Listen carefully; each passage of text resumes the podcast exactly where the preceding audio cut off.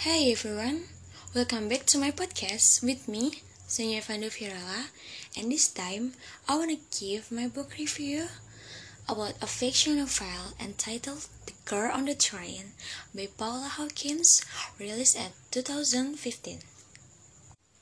This novel tells about Rachel, a woman who is an alcoholic and suffers from severe depression. Her life has no purpose since her husband left her for another woman. Rachel, who lives in her friend's house, Katie, has to cover up her job.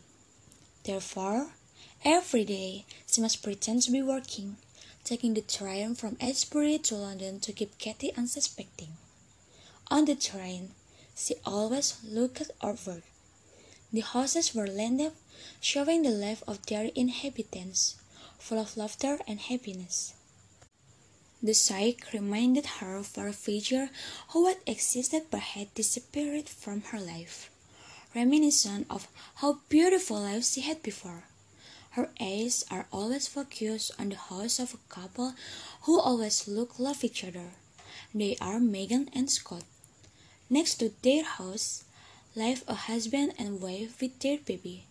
Tom and Anna, who are Rachel's ex-husband with his new wife. One day, Rachel heard the news that Megan had disappeared. Rachel felt the day before she saw something which related to Megan's disappearance. So, she reported it to the police, hoping her testimony would help them to find Megan. Unfortunately, instead of being seen as helpful, Rachel is considered to have messed up the investigation.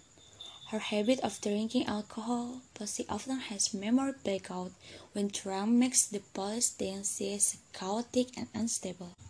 Many people suspected her of doing something to Megan, especially some evidence are strongly points to her. This condition led Rachel to explore the life of Megan and Scott, and she even witnessed the disappearances of Megan.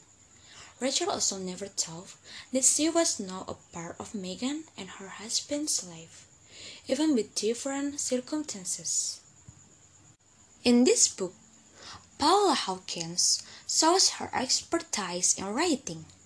She can play our emotions through slick diction and story description that really bring us into the lives of characters. This novel written is told from three perspectives. Rachel, Megan, and Anna. Unique, but the storyline is still easy to understand. Even though the plot seems slow and boring to some people, I think that's where the power of detail comes into play. Paula managed to ruffle readers' mind, leading to one conclusion and then obscuring it by giving another clue.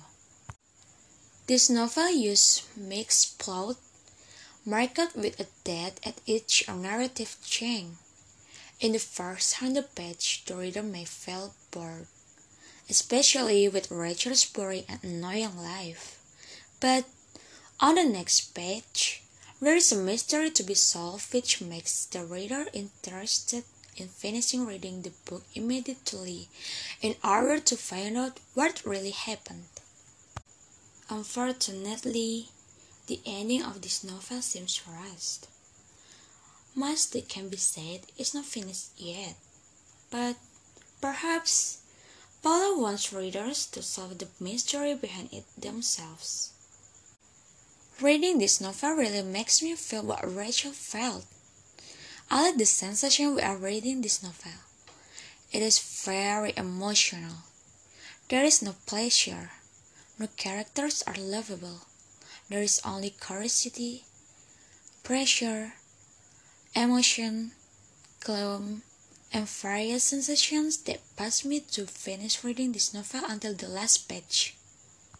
I think the idea of this story is very familiar and I often find it in households, which is about infidelity. However, the interesting thing is how Paula, the author of this novel, is able to incorporate psychological elements into each of her characters that determine the motives and reasons for each character's action.